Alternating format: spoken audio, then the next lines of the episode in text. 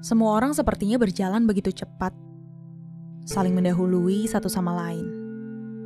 Beberapa di antara kita justru lebih bergegas dan menerabas. Satu dua orang dan banyak dari kita beranggapan bahwa setiap harinya hidup adalah perlombaan. Yang lain menang dengan rapi, yang lainnya lagi tertinggal tersisih. Jika kamu tidak bisa memenangkan kehidupan, maka kamu akan dikalahkan kehidupan. Setidaknya begitu apa yang dikatakan oleh para juru motivasi.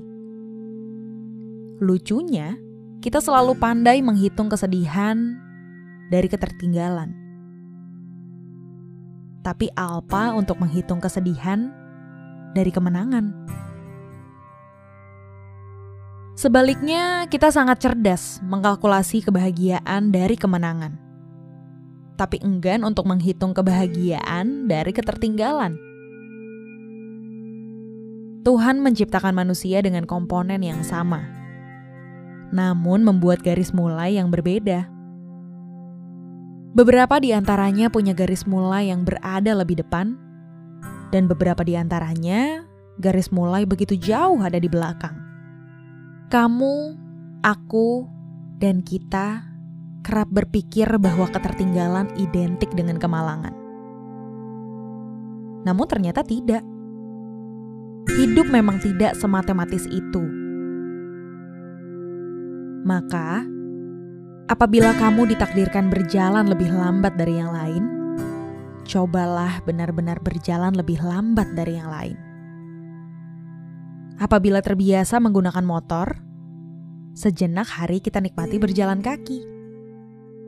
Kamu akan bisa melihat secara jelas nomor sedot toilet atau nomor badut ulang tahun di tiang listrik dekat rumahmu kamu juga bisa melihat bahwa tanaman tetanggamu sudah layu.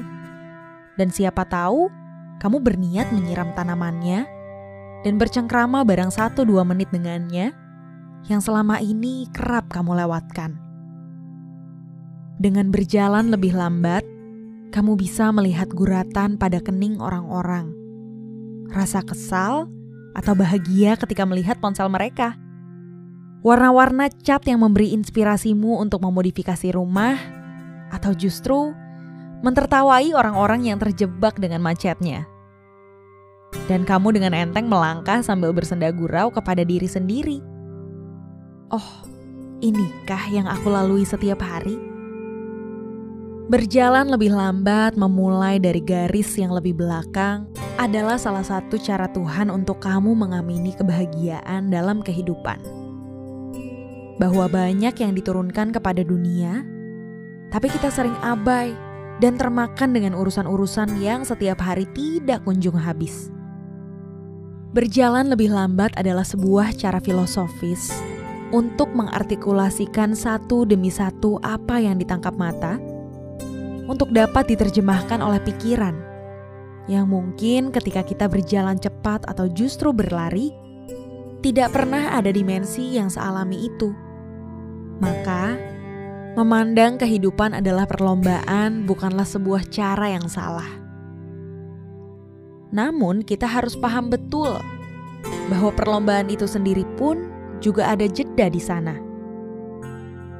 Maka, semoga kita tidak menjadi manusia yang berlari cepat, terjatuh, dan enggan untuk melangkah lagi. Namun, bisakah kita menjadi manusia yang berlari cepat?